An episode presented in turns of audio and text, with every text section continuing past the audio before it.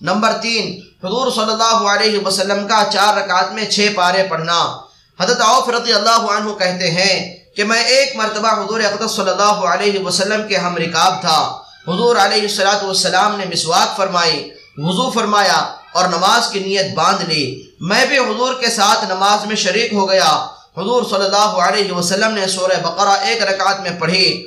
اور جو آیت رحمت کی آتی، حضور اس جگہ دیر تک رحمت کی دعا مانگتے رہتے، اور جو آیت عذاب کی آتی، اس جگہ دیر تک عذاب سے پناہ مانگتے رہتے۔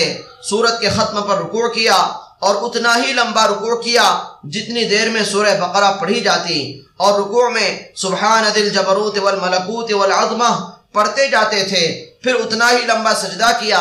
پھر دوسری رکعت میں اسی طرح سورہ آل عمران پڑھی اور اسی طرح ایک ایک رکعت میں ایک ایک سورت پڑھتے رہے۔ اس طرح چار رکعتوں میں سوا چھ سپارے ہوتے ہیں۔ یہ کتنی لمبی نماز ہوئی ہوگی جس میں ہر آیت رحمت اور آیت عذاب پر دیر تک دعا کا مانگنا اور پھر اتنا ہی لمبا رکوع اور سجدہ تھا۔ حضرت حضیفہ رضی اللہ عنہ بھی اپنا ایک قصہ حضور کے ساتھ نماز پڑھنے کا اسی طرح سے نقل کرتے ہیں اور فرماتے ہیں کہ چار رکعتوں میں چار صورتیں سورہ بقرہ سے لے کر سورہ معدہ کے ختم تک پڑھیں۔ فائدہ، ان چار صورتوں کے سوا چھ سپارے ہوتے ہیں جو حضور صلی اللہ علیہ وسلم نے چار رکعتوں میں پڑھے۔ اور حضور اکرم صلی اللہ علیہ وسلم کی عادت شریفہ تجوید و ترتیل کے ساتھ پڑھنے کی تھی، جیسا کہ اکثر احادیث میں ہے۔ اس کے ساتھ ہی ہر آیت رحمت اور آیت عذاب پر ٹھہرنا اور دعا مانگنا پھر اتنا ہی لمبا رکوع سجدہ اس سے اندازہ ہو سکتا ہے کہ اس طرح چار رکعات میں کس قدر وقت خرچ ہوا ہوگا۔